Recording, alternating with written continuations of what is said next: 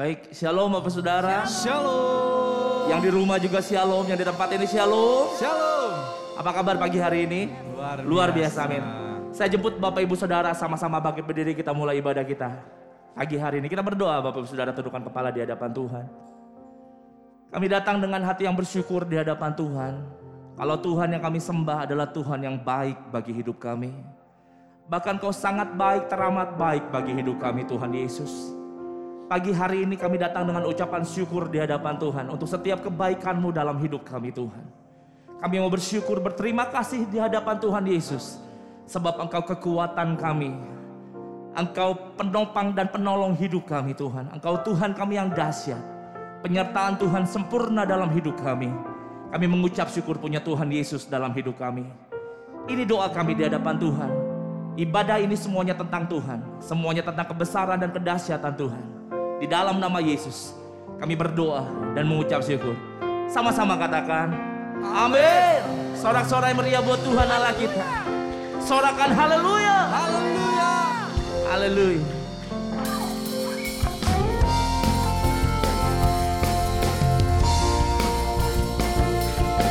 Mari tepuk tangan buat Tuhan kita Bapak Saudara. Sama-sama nyanyikan.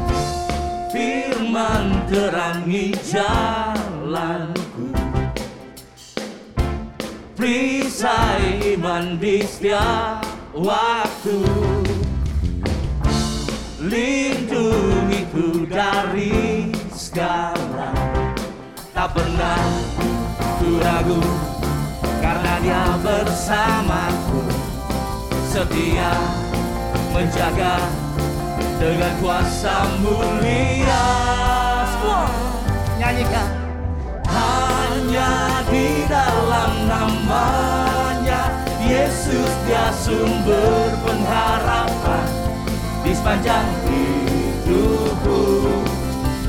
Hanya di dalam namanya pasti tersedia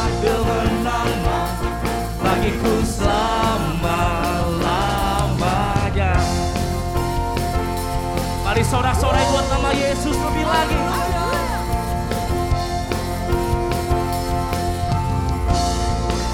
Kebenaranmu bebaskan kami Tuhan. Kebenaran yang bebaskan. Selalu berikan ku kekuatan. Hadapi segala tantangan. Tak pernah ragu karena dia bersamaku setia menjaga dengan kuasa mulia. Hanya di dalam namanya Yesus dia sumber pengharapan di sepanjang hidupku. Haleluya. Hanya di dalam kuasanya pasti tersedia kemenangan bagiku selama lamanya. Hanya di dalam nama Tuhan ada pengharapan. Di dalam nama Yesus ada keselamatan.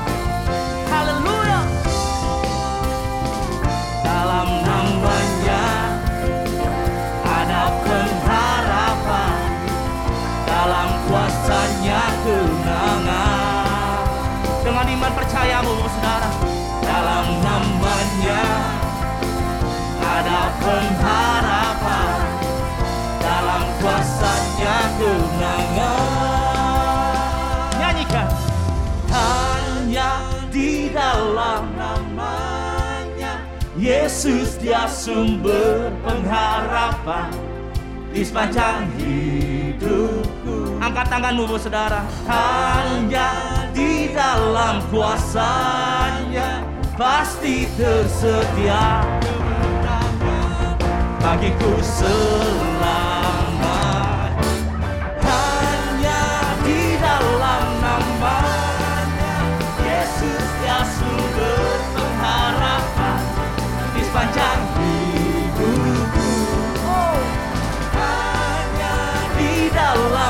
kuasanya pasti tersedia kemenangan bagiku selama dalam namamu tuh dalam namanya ada pengharapan dalam kuasanya tuh.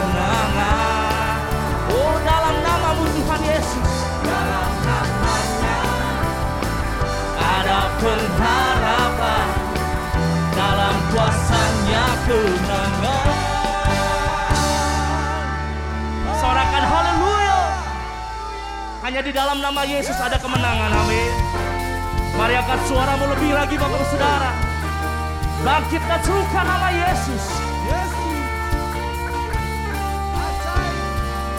Mari tepuk tangan buat Tuhan Yesus kita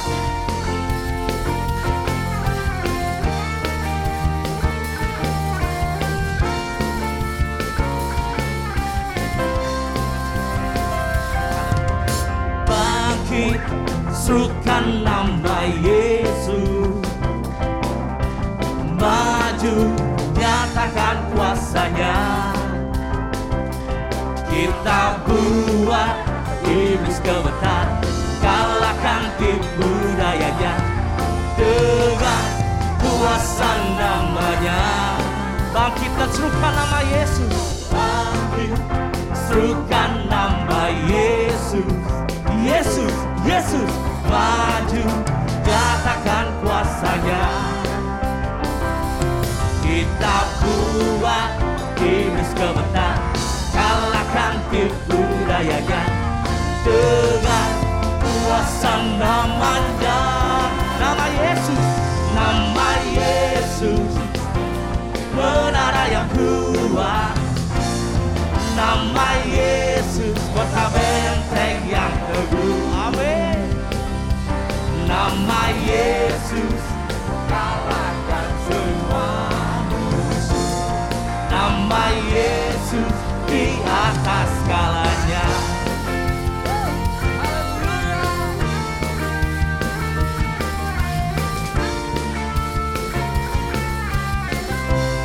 bangkit serukan nama Yesus bangkit serukan nama Yesus.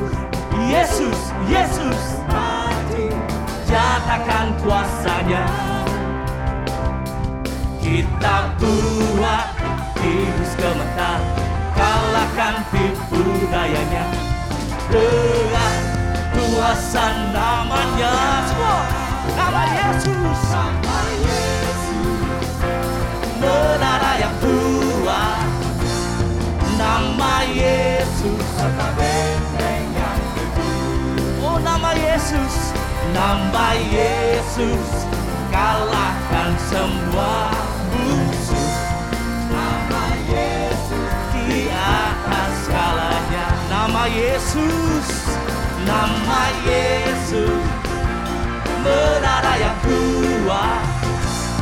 Nama Yesus kota benteng yang teguh. Oh nama Yesus. Nama Yesus Yesus nama Yesus di atas segalanya sekali lagi nama Yesus nama Yesus. Mari angkat suaramu. Nama Yesus menara yang kuat. Oh dengan bangga katakan nama Yesus kalahkan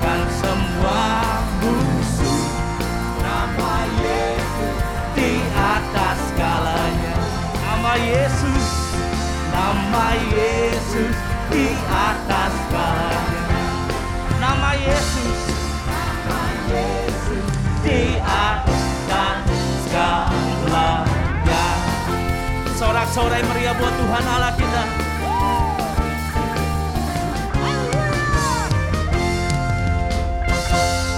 Sorak-sorai meriah buat Tuhan Allah kita. Haleluya. Ku mau selalu bersyukur Sebab cintamu padaku Takkan pernah berubah. Katakan Hatiku percaya Walau bumi bergoncang Gunung-gunung beranjak Namun kasih setiamu tak pergi dariku. Ku mau selalu bersyukur Sebab cintamu padaku Takkan pernah berubah. Hatiku percaya Walau bumi bergoncang Gunung-gunung beranjak Namun kasih setiamu Tak pergi dariku. Sekali lagi lebih lagi Ku mau selalu bersyukur Sebab cintamu padaku Takkan pernah berubah.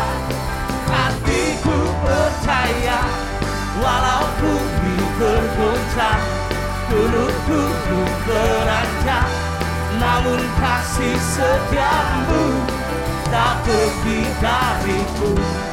Kasih setiamu Tak pergi dari Sekali lagi. Kasih setiamu Tak pergi dariku. Sorak-sorai meriah buat Tuhan Yesus Sorakan haleluya. Sekali lagi yang di tempat ini yang di rumah beri tepuk tangan paling meriah buat Tuhan Yesus kita. Sorakan haleluya. Haleluya. Haleluya. Silakan duduk Bapak Saudara terpuji nama Tuhan di tempat ini.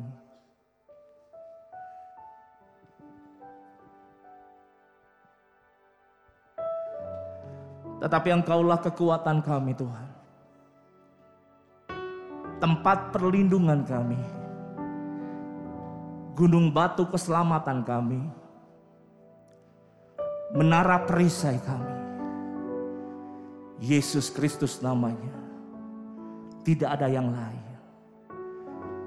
Kami bangga dan bahagia Punya Yesus dalam hidup kami. Terima kasih Tuhan. Terima kasih Yesus.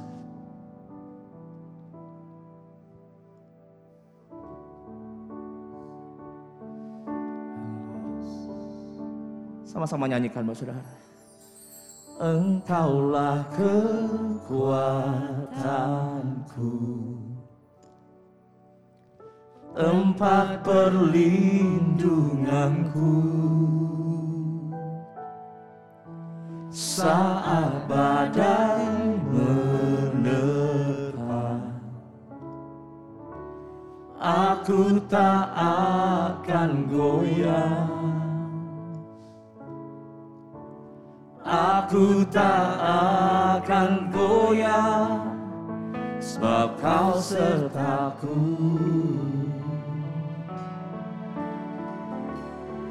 Sejauh langit dari bumi Begitu besarnya kasihmu Penuhi hati kami yang rindu menyembahmu. Yesus sejauh langit dari bumi begitu besarnya kasihmu Tuhan kekuatanku sukacitaku.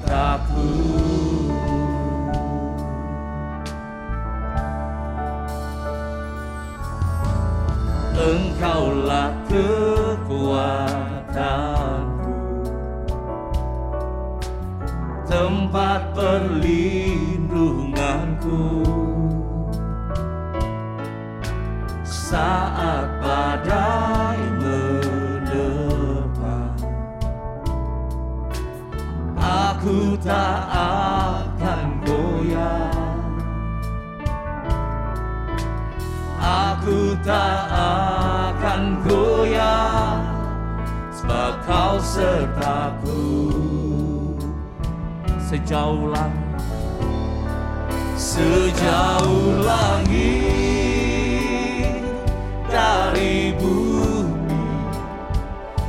Begitu besarnya kasihmu. Penuhi hati kami yang rindu menyembahmu. Yesus sejauh langit dari bumi begitu besarnya kasihmu. Kaulah Tuhan kekuatanku sukacitaku. Sejauh langit sejauh langit dari bumi begitu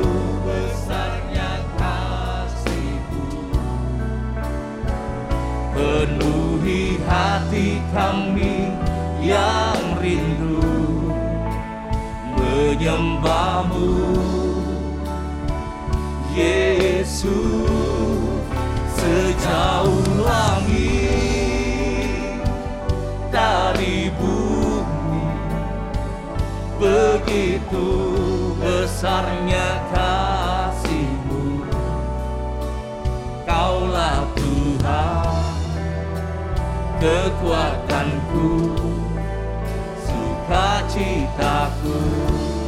sama-sama bangkit berdiri Bapak Saudara di hadapan Tuhan sekali lagi. Sejauh langit dari bumi begitu besarnya kasihmu. Penuhi hati kami yang rindu menyembahmu Yesus sejauh langit dari bumi begitu besarnya kasihmu. Kaulah Tuhan kekuatanku sukacitaku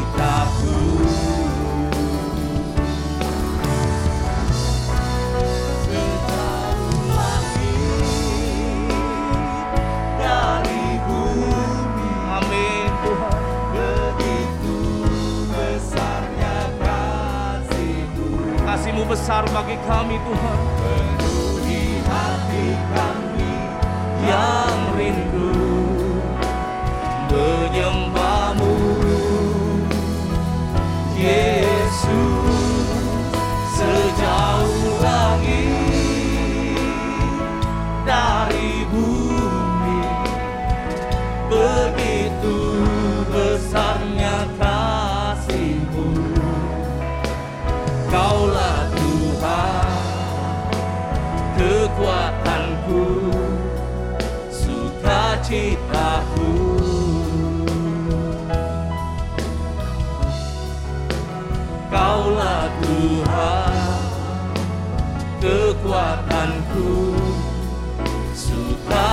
sukacitaku Kaulah Tuhan kekuatan hidupku. Kaulah Tuhan kekuatanku sukacitaku.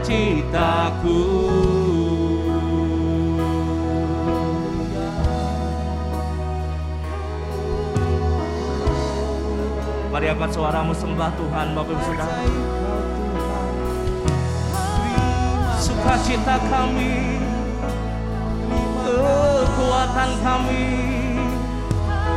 Hanya Yesus Hanya Yesus.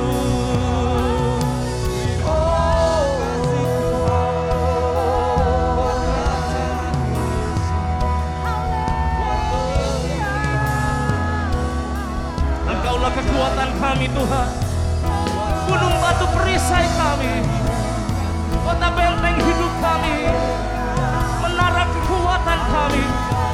Yesus Kristus nama Haleluya Kami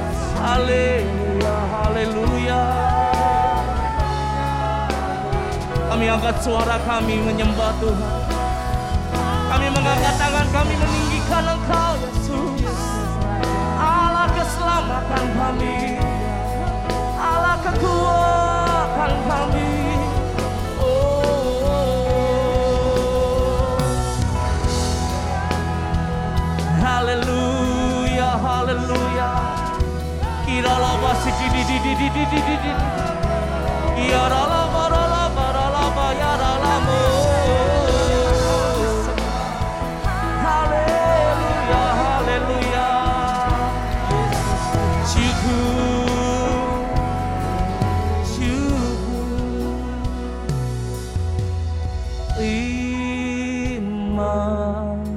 kasih buat kasih se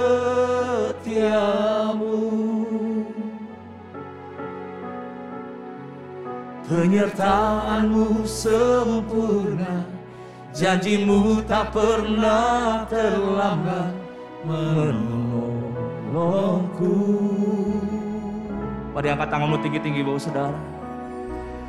Terima kasih. Ku berterima kasih.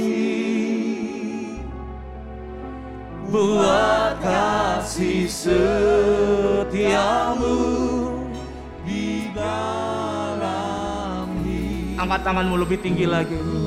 Di tempat ini di rumah Bapak Ibu Saudara Nyanyikan dengan hatimu yang bersyukur. Terima kasih buat kasih setiamu. Penyertaanmu sempurna Penyertaanmu sempurna. Janjimu tak pernah terlambat. Menolongku. Terima kasih. Terima kasih. Ku berterima kasih. Buat kasih setiamu Buat kasih setiamu Di dalam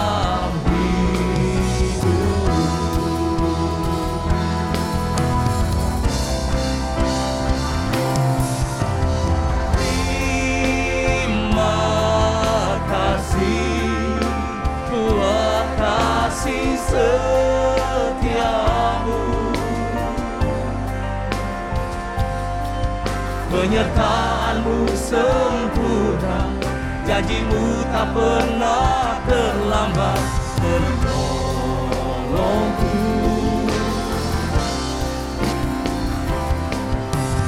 Terima kasih. Ku berterima kasih.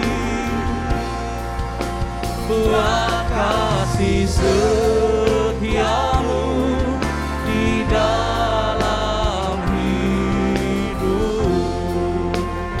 kasih setiamu.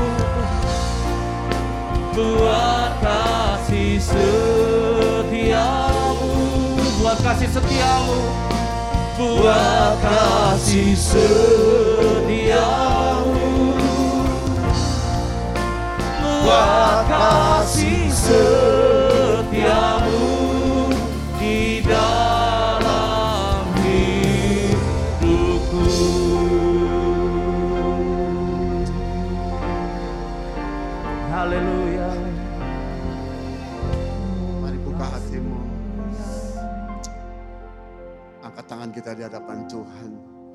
Saatnya kita boleh mencari wajah Tuhan di pagi hari ini. Tidak ada kata lain yang keluar dari lubuk hati yang paling dalam. Selain ucapan syukur dan terima kasih Tuhan Yesus.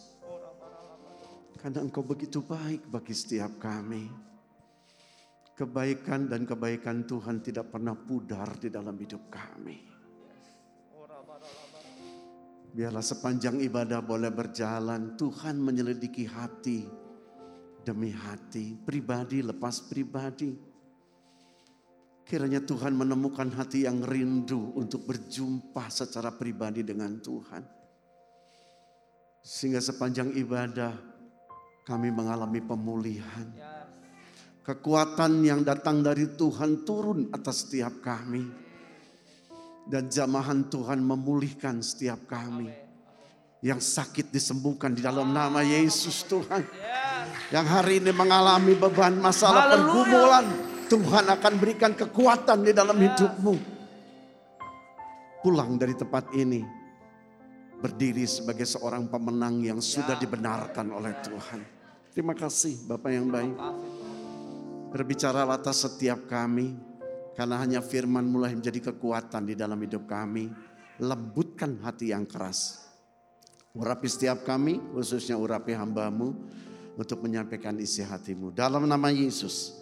Kami berdoa dan mengucap syukur. Yang rindu diberkati. Sama-sama kita katakan. Amin. Boleh tepuk tangan dulu Tuhan Yesus. Haleluya. Silakan duduk ibu bapak yang dikasih Tuhan. Makasih WL singer dan tim musik yang luar biasa. Selamat pagi, shalom ibu bapak. Shalom juga ibu bapak yang ada di rumah. Ya saya berharap walaupun ibadah tetap di rumah. Tapi mari menghormati Tuhan, menghargai kehadiran Tuhan. Ikuti ibadah dari awal hingga selesai. Ya, Nah, Ibu Bapak yang dikasih Tuhan hari ini saya akan sampaikan tentang satu tema yaitu peta kehidupan. Apa itu peta kehidupan? Ibu Bapak kita lihat dulu fungsi peta. Peta itu menunjukkan satu posisi atau lokasi suatu tempat. Lokasi suatu tempat di permukaan bumi. Peta juga memperlihatkan ukuran, luas, jarak, dan arah sesuatu tempat. Tetapi yang paling sering kita tahu peta itu adalah menolong saudara dan saya untuk menunjukkan arah tujuan ke mana kita akan menuju. Ya, nah bagaimana dengan kehidupan kita? Bukankah di dalam kehidupan kita, ibu bapak yang dikasih Tuhan, hidup ini adalah sebuah perjalanan. Di mana di dalam sebuah perjalanan itu semua bergerak. Tidak ada yang stuck. Saudara stuck, waktu tetap bergerak. Saudara malas ibadah, waktu tetap bergerak. Dan pergerakan-pergerakan ini menjadi eh, menjadikan akhir dari sebuah kehidupan kita sehingga semua manusia seharusnya mengerti bahwa di dalam hidup ini kita punya yang namanya tujuan akhir. Lihat di dalam perjalanan ibu bapak yang dikasih Tuhan bahwa tugas kita hari ini adalah mengisi kehidupan ini dengan baik dan benar. Katakan amin. Nah, kita harus memiliki tujuan akhir yang benar juga. Sebagai anak-anak Tuhan, tentu tujuan akhir dalam hidup kita adalah hidup bersama dengan Tuhan di dalam kekekalan. Katakan amin. Itu tujuan kita orang-orang percaya kan. Nah yang jadi masalah adalah apakah kita hari ini masih hidup di tracknya Tuhan, di rencana Tuhan. Atau sudah berjalan masing-masing. Ibu apa yang dikasih Tuhan, setelah pandemi ini saya melihat ada begitu banyak orang hidup di dalam ketakutan. Ada begitu banyak orang hidup di dalam kekhawatiran. Ada begitu banyak orang hidup di dalam keputusasaan. Bahkan ada banyak orang sampai hari ini tidak melakukan apa-apa, mereka cuma bergerak begini saja. Kenapa Tuhan izinkan terjadi seperti ini? Kenapa kita mengalami ekonomi seperti ini? Kenapa kita harus mengalami sakit seperti ini? Nah selama saudara bergumul dengan hal-hal seperti itu, kehidupan akan tetap berjalan. Betul nggak? Saudara sesali, saudara hidup hidup yang namanya putus arah. Namanya hidup tetap jalan. Nah pertanyaannya adalah, di dalam segala situasi yang saudara hadapi, sekali waktu saudara akan menghadapi yang namanya keputusan di dalam hidup saudara. Tolong diklik ya, dibantu saja supaya lebih lancar. Nah, oke, okay. Ibu Bapak lihat di sini sekali waktu kita akan bertemu dengan satu keputusan yang Ibu Bapak harus hadapi. Pandemi banyak merubah orang mengambil jalan pintas. Jalan pintas yang menghidupi atau memuaskan kedagingannya atau sisi manusianya. Nah sedangkan di hadapan Tuhan kita tidak boleh keluar dari yang namanya rencana Tuhan. Katakan amin. Nah inilah yang membuat kita butuh yang namanya peta kehidupan. Karena lewat peta kehidupan yang saudara dan saya miliki, yaitu firman Tuhan, seharusnya apa pun keadaan kita, apa pun masalah di dalam hidup kita, kita akan tetap punya petunjuk yang benar. Amin. Nah, luar biasanya adalah Yesus itu baik sekali. Kita tidak seperti orang-orang dunia yang tidak bisa melakukan apa-apa. Pokoknya berbuat baik. Bukan seperti itu. Yesus memberitahu kepada saudara dan saya apa itu jalan kehidupan petanya seperti apa. Ya, kita akan belajar bersama-sama. Oke, diklik saja. Bapak lihat Tuhan memberitahukan pada saudara dan saya jalan kehidupan. Klik lagi. Bapak lihat di sini. Kita baca sama-sama yuk. Dua, tiga. Engkau memberitahukan kepadaku apa? Jalan kehidupan. Di hadapanmu ada sukacita berlimpah-limpah. Di tangan kananmu ada Nah mari kita cross check. Apakah hidup saudara dan saya hari ini ada di peta kehidupan yang Tuhan berikan. Lihat di jalan kehidupan yang Tuhan berikan. Cirinya adalah gini, bukan masalah keadaan. Bukan masalah situasi yang harus saudara hidupi. Tapi masalahnya adalah di dalam hati ibu bapak. Keadaan situasi boleh berubah. Tapi setiap orang yang hari ini masih mengikuti petunjuk Tuhan lewat peta kehidupan yang Tuhan berikan, lewat jalan kehidupan yang Tuhan berikan, apa pun situasinya, sukacita Tuhan tidak boleh pudar di dalam hidup kita. Setuju katakan amin. Itu ciri yang pertama. Mungkin hari ini ekonomi kita turun, mungkin hari ini badan kita lemah, mungkin hari ini kita sedang mengalami pergumulan, tapi sukacita di dalam Tuhan tidak boleh hilang. Kenapa? Karena kita ada di tracknya Tuhan.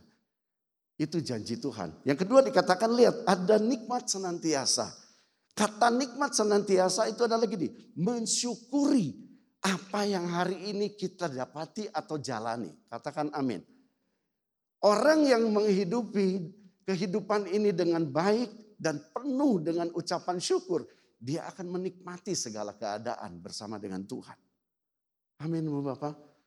Nah ini artinya apa pun keadaan yang kita hadapi itu tidak akan mengubah kehidupan kita di hadapan Tuhan. Nah hari ini kita mau belajar bersama kenapa kita yakin banget bahwa ketika kita menempuh suatu peta yang Tuhan berikan, peta kehidupan atau jalan kehidupan, kita tidak kehilangan sukacita, kita tetap bersyukur. Karena yang Tuhan berikan adalah jalan keselamatan. Bukan jalan yang abal-abal. Kalau klik tolong. Lihat. Oke sekali lagi klik. Coba Bapak lihat Yohanes 14 ayat 6. Kita baca sama-sama ya. Dua, tiga. Lalu Yesus menjawab, akulah jalan menuju kepada Bapa. Dan dasar dari semua ajaran benar. Dan yang memberikan apa? Hidup yang kekal. Siapa pun tidak bisa datang kepada Bapa kecuali melalui Ibu apa mari perhatikan ayat ini. Makanya tadi saya katakan apa pun persoalan pergumulan yang ibu bapak hadapi. Satu, kita tidak boleh kehilangan sukacita Tuhan. Yang kedua, kita akan selalu bersyukur dengan segala keadaan. Nah kenapa? Karena inilah janji Tuhan. Dia beritahu dan dia berikan kepada ibu bapa jalan menuju kepada Bapa. Itu kekekalan, itu bedanya. Dunia boleh berubah, tapi iman percaya kita kepada Bapa tidak boleh berubah. Ya, lihat di sini. Yesus berkata. Akulah jalan menuju kepada Bapa. Jadi tidak ada jalan lain. Kalau dunia berkata banyak jalan menuju Roma, silakan saja. Tapi untuk sampai kepada Bapa hanya satu jalan. Melalui siapa? Yesus. Karena dia bicara sendiri, akulah jalan menuju kepada Bapa. Dan yang kedua, waktu saudara mengikuti petunjuk atau jalan kehidupan yang Tuhan berikan, maka saudara mempunyai dasar pengajaran yang benar. Bukan baik, tapi benar. Ya, kenapa? Karena lewat pengajaran dasar yang benar yang Tuhan berikan, ibu bapak akan sampai di tujuan akhir yaitu kekekalan bersama dengan Tuhan. Nah, yang menarik lihat yang B-nya. Siapa pun tidak bisa datang kepada Bapa kecuali melalui aku. Oke, tolong klik lihat gambar ini. Ibu Bapak, kenapa setiap manusia tidak bisa sampai kepada Bapa? Mari perhatikan di sini. Pada saat manusia jatuh di dalam dosa, Alkitab tulis dalam Roma, semua manusia sudah kehilangan kemuliaan Allah. Kenapa? Sudah nggak nyambung lagi. Nah yang tersedia hanya satu, hukuman kekal. Nah kemudian manusia berkembang dengan pemikiran teknologi dan sebagainya. Mencoba membuat jembatan. Ya dengan dengan pikiran, dengan pengetahuan yang hebat, dengan teknologi yang hebat. Pertanyaannya, bisa sampai nggak kepada Bapak? Coba diklik lagi. Nah lihat, apa pun yang dilakukan oleh manusia, Jangan lupa yang diberesin bukan pengetahuannya, bukan teknologinya, bukan kehebatannya. Makanya setiap kali manusia berusaha membuat jembatan dengan kepandaian, amal ibadah, perbuatan baik, tidak akan pernah nyampe kepada Bapa. Kenapa? Karena Bapakku kudus. Jadi seolah-olah bicaranya begini, perbuatan baik yang membungkus dosa. Nyampe enggak? Enggak. Amal ibadah yang dilakukan, tapi itu hanya membungkus dosa. Nyampe enggak? Enggak bakal nyampe. Karena semua manusia jatuh di dalam dosa. Nah yang harus diberesin apa? Dosanya. Bukan perbuatannya, bukan kehidupannya dulu, dosanya diberesin. Selama kita tidak membereskan dosa, terikat dengan dosa, apa pun yang kita lakukan itu tidak akan nyampe kepada Bapa. Setuju katakan amin. Oke mari klik lihat ini. Nah hanya Yesus satu-satunya tadi dikatakan. Jalan menuju kepada Bapa. Kita akan melihat ibu bapak tidak ada unsur manusia yang bisa membuat satu jembatan untuk bisa sampai kepada Allah yang kudus. Selain Yesus Tuhan. Jadi inisiatif keselamatan itu bukan datang dari manusia yang berdosa. Tapi dari kekudusan Bapa, Dari hati Bapa yang luar biasa. Dia turun ke dunia untuk menebus dosa saudara dan saya. Oke lihat lihat ayat ini, klik coba. Yuk baca sama-sama. Dua, tiga. Sebab di dalam dia dan oleh darahnya kita apa? Beroleh penebusan. Ya itu apa? Pengampunan dosa. Menurut Kira-kira jelas dengan ayat ini Ibu Bapak? Yang diberesin bukan perbuatannya. Dosanya dulu. Setiap kita yang hari ini percaya kepada Yesus. Tapi masih terikat dengan dosa. Tidak akan pernah nyambung dengan Bapa. Saudara pelayanan hebat-hebatan. Satu minggu dari subuh sampai malam. Saudara di gereja melayani. Tapi kalau saudara masih terikat dosa. Tidak akan menyenangkan hati Tuhan. Kenapa? Tidak nyampe. Karena Allah kudus. Jadi harusnya yang penting adalah bereskan dulu ininya. Terima Yesus bertobat di hadapan Tuhan. Supaya oleh darah Yesus, oleh salib Yesus, maka saudara dilayakkan. Kita sudah ditebus dan diampuni. Lihat di sini tidak ada unsur manusianya. Apa yang manusia bisa lakukan? Tidak ada. Ini hanya kemurahan Tuhan. Hanya kemurahan Tuhan membuat saudara yang hidup di dalam Yesus Tuhan. Lihat oleh darahnya ditebus. Amin. Oke mari lihat dalam terjemahan lain. Tolong klik. Yuk baca sama-sama terjemahan lain ya. Dua, tiga. Sebab oleh kematian Kristus kita diapakan? Dibebaskan oleh Allah. Dan berarti ya sudah mengampuni kita dari Nah kalau Tuhan sudah mengampuni dosa-dosa kita, sekarang kita bisa nyambung gak sama Tuhan? Yes, katakan yes. Nyambung. Nah ini yang jadi masalah, kenapa banyak orang Kristen sampai hari ini masih bersungut-sungut. Karena ternyata di dalam hatinya, maaf ya, masih menyimpan dosa. Masih terikat dengan dosa. Tidak bakal nyambung dah. Karena yang diberesin cuma bajunya saja. Perbuatan-perbuatannya. Padahal intinya adalah dosanya dulu yang harus dibereskan. Dan itu adalah karena kemurahan Tuhan. Amin Bapak. Nah hari ini udah jelas inilah peta kehidupan yang Tuhan berikan. Nah yang jadi masalah adalah begini. Kita diberikan peta petunjuk sama Tuhan. Untuk jalani hidup ini dengan baik dan benar. Sehingga satu saat engkau dan semua orang percaya akan sampai kepada kekekalan bersama dengan Tuhan. Tapi banyak orang sudah punya peta, tidak bisa baca. Tidak bisa melakukannya. Seperti apa mempergunakan peta ini? Banyak orang gagal. Kita punya Alkitab, kita punya firman, kita punya pengajaran tentang kerajaan surga. Tapi kita nggak ngerti melakukannya seperti apa. Ibu Bapak sekali waktu saya ingat sama Rosi dan anak pergi ke Jakarta. Dulu belum ada Google Maps sekarang yang canggih. Waktu kita salah baca. Biarpun itu udah pakai yang namanya petunjuk jalan, bisa ngaco. Karena dulu mungkin sinyal juga nggak bagus. Kita tungguin di jalan ada belokan. Ini kok nggak ngomong-ngomong. Begitu kita ada di belokan dia baru ngomong. Belok kiri. Telat. Udah di belakang. Tapi yang hebat gini. Itu cerita tentang kebaikan dunia loh. Pengetahuan dunia. Ketika kita salah. Itu Google balikin lagi. Saudara bisa ngikut di, dikasih petunjuk lagi untuk arah ke yang lain. Nah di hadapan Tuhan tidak ada seperti itu.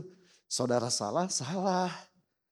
Tidak ada istilahnya ini salah, kemudian kita anggap benar ini. Tidak bisa. Tapi lihat, untuk bisa sampai kepada kekekalan, saudara dan saya harus pandai membaca, mempergunakan peta kehidupan yang Tuhan berikan. Yang mau katakan amin. Oke lihat, klik yuk. Inilah peta kehidupan. Ada tiga hal yang seharusnya orang-orang Kristen, orang-orang percaya melakukan ini. Yuk baca sama-sama klik tolong. Amsal 6 ayat 23. 2, 3. Karena perintah itu pelita dan ajaran itu cahaya dan teguran yang mendidik itu jalan sekali lagi dengan keras. Dua tiga karena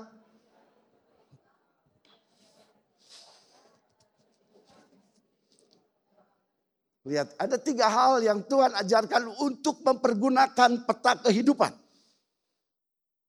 Ya, Tuhan ajarkan luar biasa ya Tuhan kita sudah dikasih petunjuk. Hari ini dikasih juga cara mempergunakannya. Cara bacanya dan cara mempergunakan. Nah, kitab tulis gini, ketiga-tiga hal ini saudara lakukan, itu jalan kehidupan kata Tuhan. Amin. Oke kita lihat yang pertama, klik. Saya sudah susun. Dari beberapa kamus saya temukan gini. Apa yang namanya perintah itu pelita. Yang pertama lihat. Perintah itu aturan mainnya Tuhan. Atau aturan atau ketetapan dari pihak yang berdaulat. Atau punya kekuasaan. Ya, jadi artinya perintah itu tidak boleh tidak dilakukan. Katakan amin. Karena dia punya otoritas. Ya, kalau Tuhan sudah berkata tidak boleh lakukan ini, nggak boleh dilakukan. Kalau Tuhan bilang lakukan hal ini, harus dilakukan. Itu perintah. Karena Tuhan punya kuasa. Seperti seorang prajurit ibu bapak. Kalau komandannya bilang bangun, bangun. Serang, serang. Tembak, tembak. Gimana komandannya? Karena komandannya punya kuasa. Nah jadi perintah itu pasti turun dari atas. Setuju kata amin. Ya. Nah apa yang dikatakan pelita? Pelita bukan terang. Saya mau jelaskan dulu di sini. Pelita itu suatu sumber yang menghasilkan terang. Jelas ya? Jadi kalau dirangkum gini, pelita itu adalah penerang sesuatu yang membuat terang. Bukan terangnya, tapi dia menghasilkan terang. Jadi kalau digabung perintah itu pelita, bicaranya begini. Ketetapan aturan main Tuhan yang seharusnya menjadi penerang di dalam hidup saudara dan saya. Katakan amin. Nah ini langkah ini yang sering kali gagal. Apa itu ketetapan? Firman Tuhan. Karena di dalam firman Tuhan ada banyak ketetapan-ketetapan, aturan-aturan main Tuhan, janji Tuhan, hukum-hukum Tuhan. Dia berwenang untuk memerintahkan saudara membaca dan melakukannya. Nah, firman itu harus menjadi penerang. Nah, bagaimana kalau kita bisa tahu firman itu jadi penerang, baca juga enggak? Jadi langkah awal, mari buka Alkitab saudara setiap hari. Tanpa membuka Alkitab, bagaimana Alkitab itu menjadi penerang di dalam hidup saudara. Yang belum pernah baca Alkitab hari ini bertobat. Karena itu adalah peta kehidupan yang paling utama.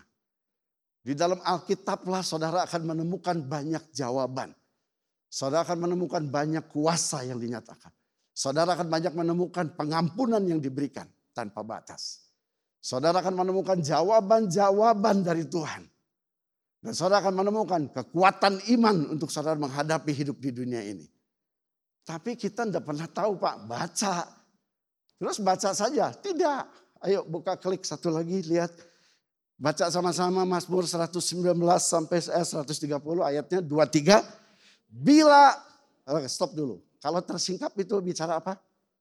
Terbuka. Nah selama ini kita buka atau tidak?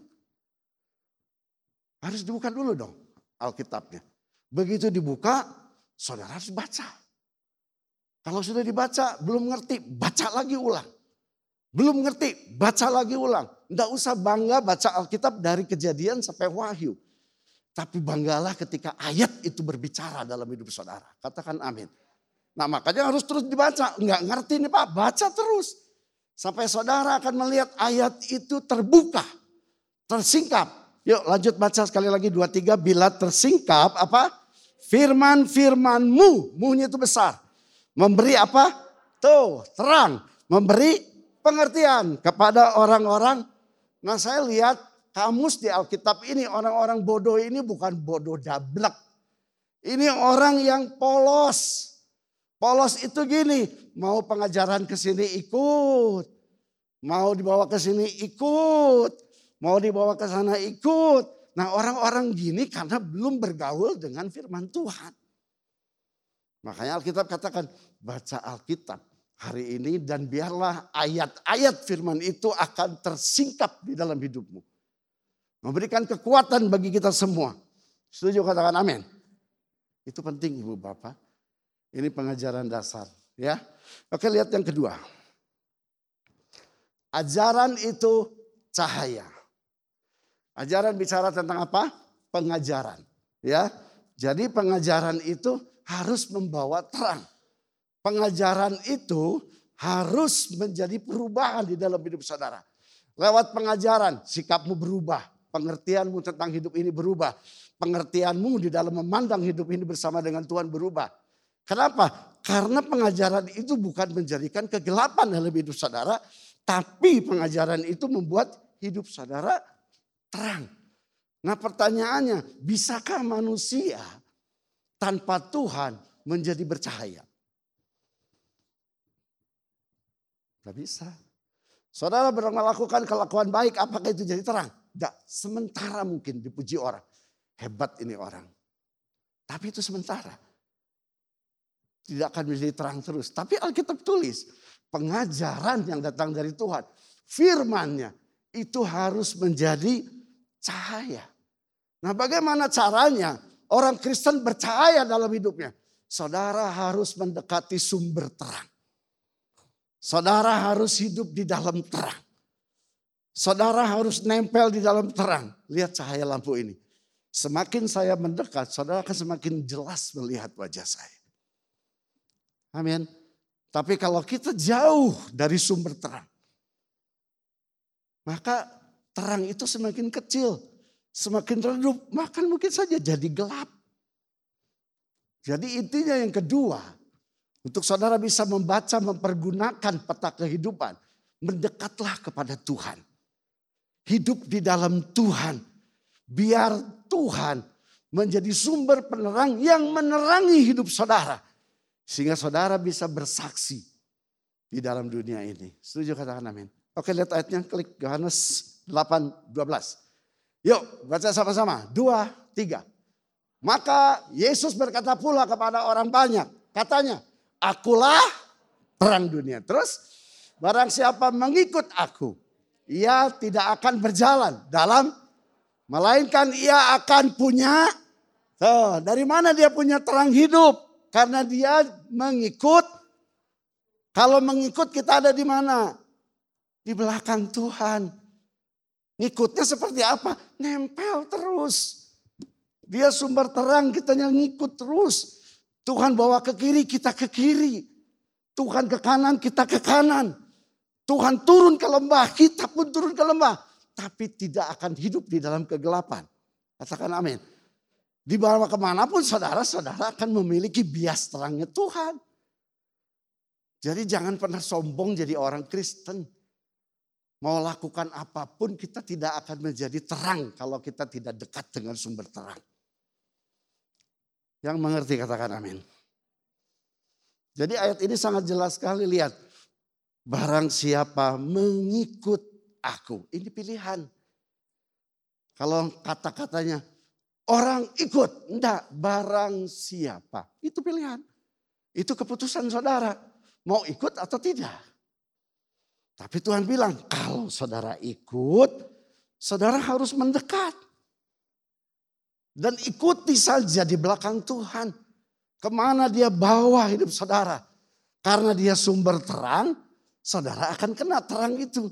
Sehingga orang akan melihat perubahan di dalam hidupmu bukan karena kau hebat. Tapi ada Tuhan yang kau hidupi. Katakan amin.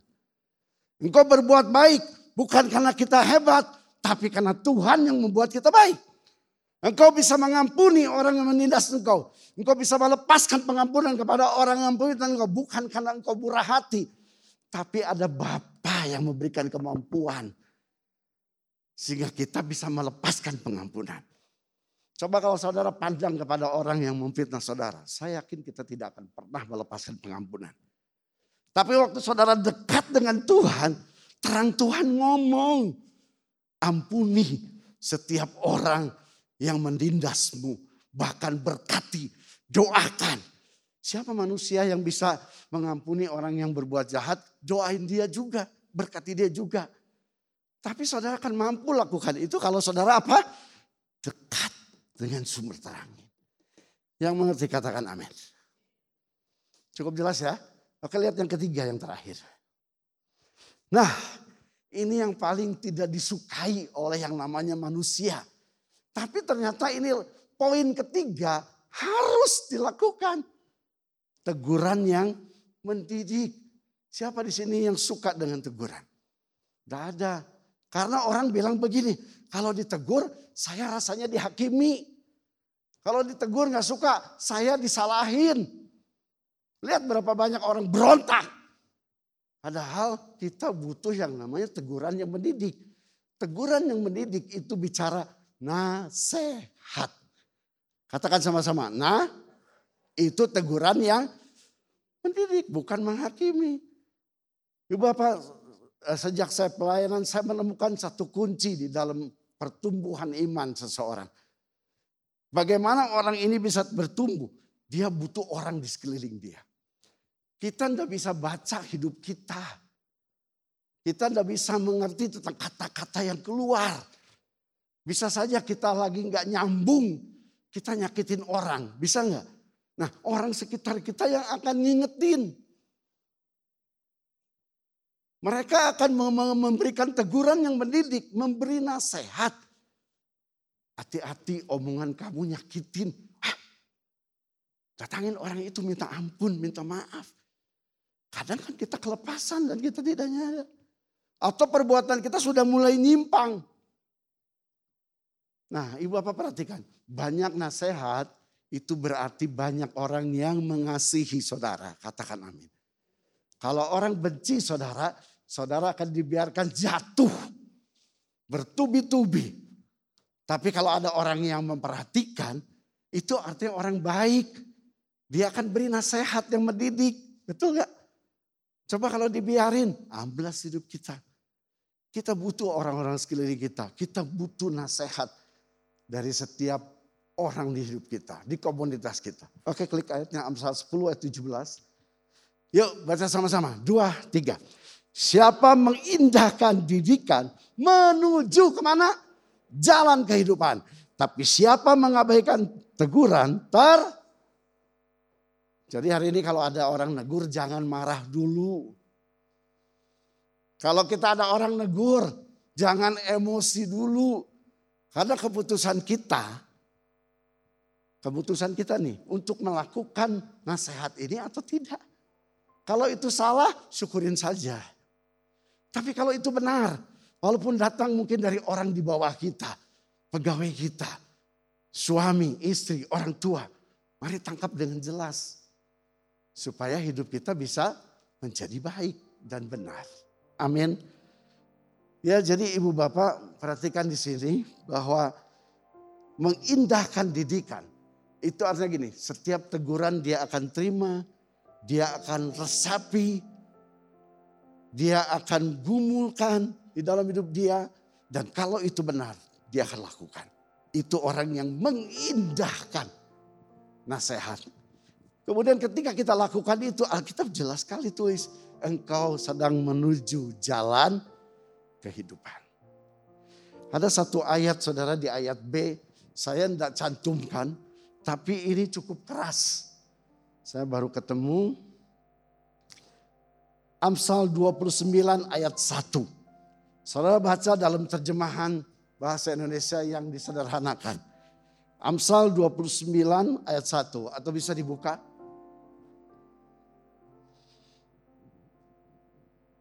Amsal 29 ayat 1. Baca catat saja ya, saya bacakan untuk saudara. Di dalam terjemahan yang disaudarakan bilang begini. Siapa terus membangkang. Kalau ia dinasehati. Suatu waktu akan hancur. Dan tidak dapat diperbaiki lagi. Sekali lagi ayat ini bilang begini. Siapa terus membangkang. Membangkang ini nolak. Gak mau tahu. Peduli amat. Gua benar. Lu salah. Ini orang membangkang. Karena nasihat itu adalah kalau kita pikirkan sesuatu yang baik, kenapa harus diterima? Dan jelas Alkitab katakan siapa yang mengabaikan teguran tersesat. Ya, yuk bisa coba. Tuh. Siapa? Baca sama-sama yuk. Dua, tiga.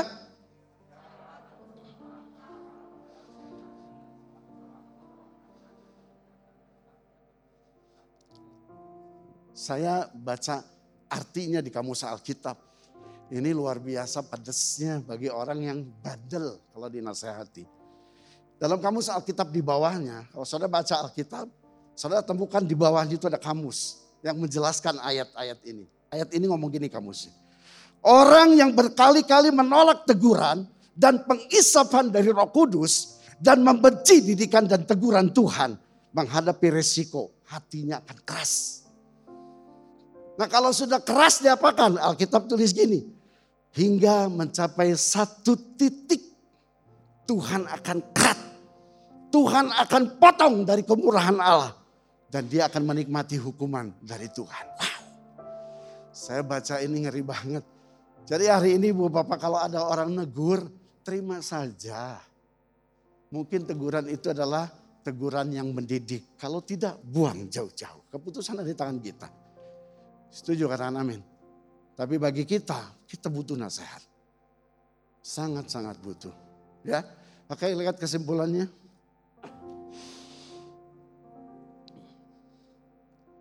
Yuk baca sama-sama. Dua, tiga. Tuhan sudah menentukan.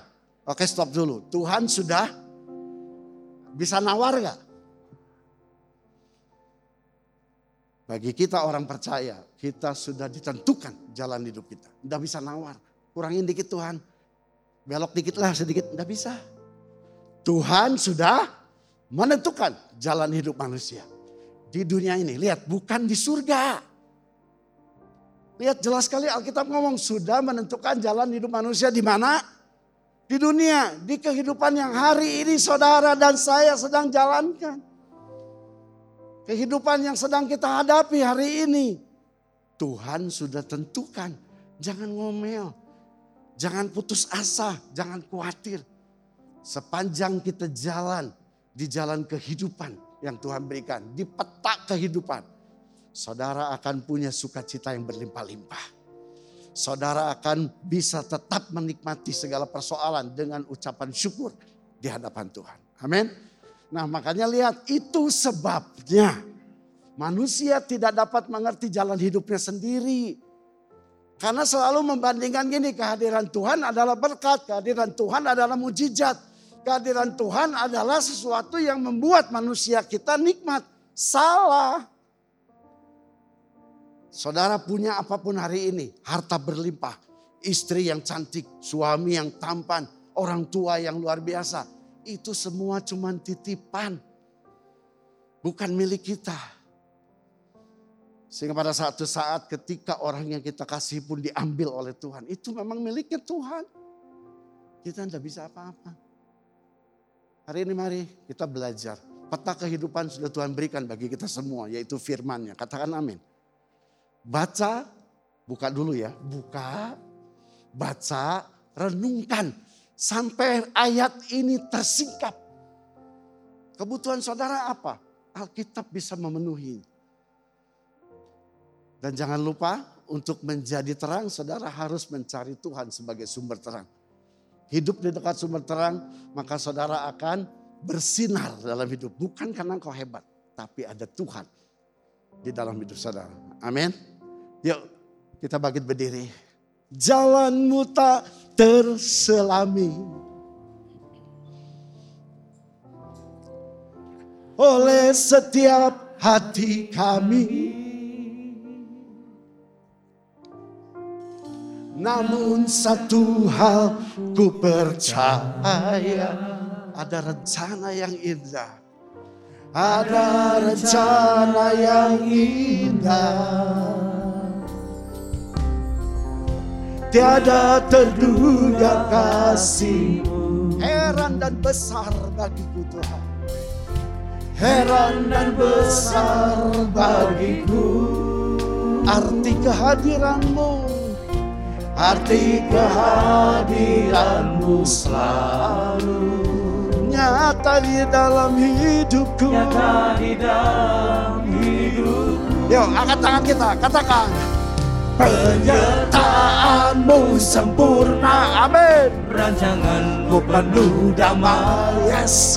Aman dan sejahtera, walau di tengah badai. Ingin ku selalu bersama, rasakan keindahan. Arti kehadiranmu Tuhan. kehadiranmu Saya rindu saudara nyanyikan pujian ini sebagai statement iman kita di hadapan Tuhan ya. Katakan jalanmu. Jalan. Walau engkau tidak mengerti, Tuhan tetap memberikan peta kehidupan di dalam hidup kita semua. Ada rancangan Tuhan yang indah. Yes. Haleluya. Itulah peta kehidupan yang Tuhan berikan. Tiada terduga heran dan besar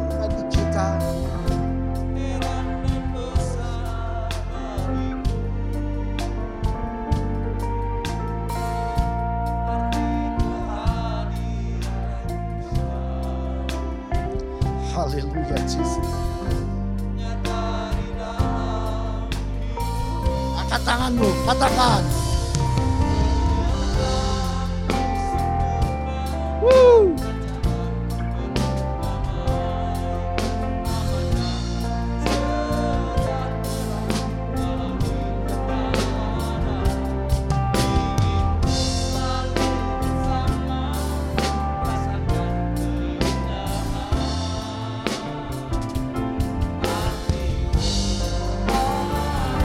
Sama-sama. Penyertaanmu. Penyertaanmu sempurna. Rancanganmu penuh damai. Aman dan sejahtera. Walau di tengah badai. Ingin ku selalu bersama. Rasakan keindahan. Arti kehadiranmu. Arti kehadiranmu. Arti kehadiranmu. Tuhan Arti kehadiranmu. Arti kehadiranmu. Tuhan.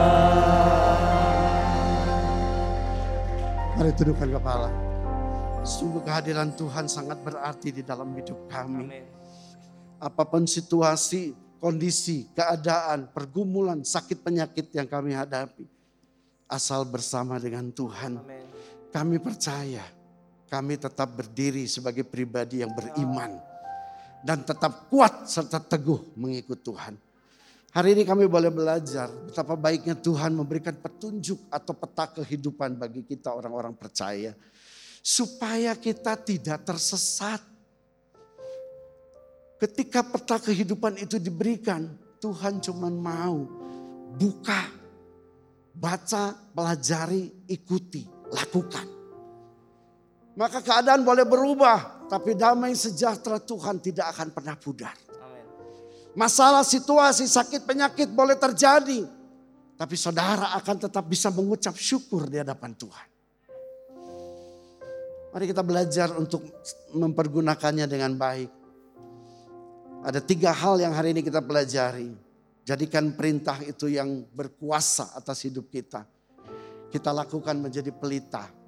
Artinya bahwa saudara dan saya diperintahkan oleh Tuhan untuk mendekat kepada sumber terang. Ketetapan-ketetapan Tuhan Yes. itu adalah pelita di dalam hidup kita. Lakukan dengan dasar yang benar, pengertian yang benar, supaya ajaran atau pengajaran yang Tuhan berikan itu bercahaya. Caranya ikuti Tuhan. Dekat kepada Tuhan supaya terangnya menerangi hidup saudara. Dan saudara dimampukan untuk bisa bersyukur. Saudara dimampukan untuk tetap bisa berjalan teguh di hadapan saudara Tuhan. Dan saudara tidak terganggu dengan situasi apa pun. Karena saudara dekat dengan terang Tuhan. Dan yang ketiga yang paling penting mulai hari ini buka hatimu dengan lembut. Terima setiap teguran yang mendidik atau nasihat. Itu akan membuat engkau bertumbuh. Teguran yang mendidik itu adalah mengubah karaktermu yang buruk menjadi baik. Teguran yang mendidik ketika engkau terseok-seok mulai dalam hidup khawatir dan takut engkau akan teguh kembali berjalan bersama dengan Tuhan. Dan teguran yang mendidik akan membuat engkau kuat menghadapi segala situasi bersama dengan Tuhan. Bapak terima kasih hamba berdoa kiranya setiap kami yang boleh mendengar firman Tuhan termasuk hambamu. Diberikan kemampuan untuk membaca, merenungkan firman Tuhan, memahaminya, meresapinya. Sampai firman ini tersingkap atau terbuka. Dan firmanmu sendiri yang akan menuntun setiap kami menjalani hidup ini. Berkati jemaatmu di GBI PPL Kopo ini, apa pun yang dihadapi, dihidupi hari-hari ini juga Bapak. Bahkan segala kehidupan yang hari ini terus dilakukan dengan berbagai upaya dan daya. Oleh karena dekat dengan Tuhan buat mereka berhasil. Di dalam segala hal dilakukan. Tuhan memberkati pendidikan anak-anak kami. Tuhan juga memberkati anak-anak kami hidup benar dan kudus di hadapan Tuhan. Tuhan memberkati kesehatan kami. Berikan tubuh yang sehat, organ-organ tubuh yang sehat. Amin. Dan juga berikan sukacita Tuhan yang tidak pernah habis-habisnya dalam hidup ini. Berkati Pak Ian sebagai gembala dan tim pengembalaan. Juga seluruh para pelayan-pelayan yang melayani. Kami percaya kami melayani hanya bagi Tuhan, tentang Tuhan. Dan segalanya Amin. hanya bagi Ya, Tuhan. Tuhan. Terima kasih Bapak berdoa untuk para pemimpin rohani kami. Biarlah apa yang sudah Tuhan tetapkan sebagai para pemimpin. Kami akan hormati setiap keputusan. Untuk itu berikan hikmat, takut akan Tuhan. Sehingga setiap keputusan itu menjadi baik bagi semua cabang yang ada. Memberkati juga tangan-tangan yang sudah memberikan persembahan. Berkati Bapak supaya persembahan ini bisa dikelola dengan takut akan Tuhan. Dipergunakan dengan sebaik-baiknya untuk melebarkan kerajaan Allah. Kami percaya gereja ini masih bisa ada sampai hari ini karena Tuhan mengasihi. Berkati tangan-tangan yang memberikan persembahan, Tuhan yang memberkati di dalam berbagai kehidupan mereka. Dan terakhir kami berdoa untuk bangsa dan negara kami. Kami bersyukur hari ini punya pemimpin yang luar biasa. 2024 nanti ada pemimpin baru. Kami percaya Tuhan sudah siapkan pemimpin yang luar biasa. Kami berdoa untuk pemimpin hari ini Pak Jokowi, Pak Mahru Amin, juga seluruh staf pemerintahan dari pusat sampai tingkat RT RW sekalipun diberkati di dalam nama Yesus Tuhan. Sehingga segala keputusan menjadi bijak dan menjadi adil, sejahtera bagi bangsa ini. Terima kasih Bapak. Sebentar kami akan kembali ke rumah kami masing-masing. Sebelum pulang mari buka hati dan angkat kedua tanganmu. Ibu Bapak yang dikasih Tuhan. Peta kehidupan sudah Tuhan berikan di dalam hidup kita. Sekali lagi keputusan untuk membaca dan melakukannya ada di dalam hidup saudara. Untuk itu mari ambil statement mulai pagi ini untuk selalu dekat dengan Tuhan. Untuk itu pulang dan terimalah berkat yang berlimpah-limpah dari Allah Bapa melalui cinta kasih dari Tuhan Yesus Kristus dan melalui persekutuan yang indah dan manis dengan Allah Roh Kudus menyertai hidup kita semua. Mulai pagi hari ini sampai Tuhan Yesus menjemput di awan-awan yang permai. Bahkan sampai selama-lamanya. Setiap kita yang sudah terima berkat Tuhan. Sama-sama katakan. Amin. Amin. Selamat pagi, shalom. Tuhan Yesus memberkati.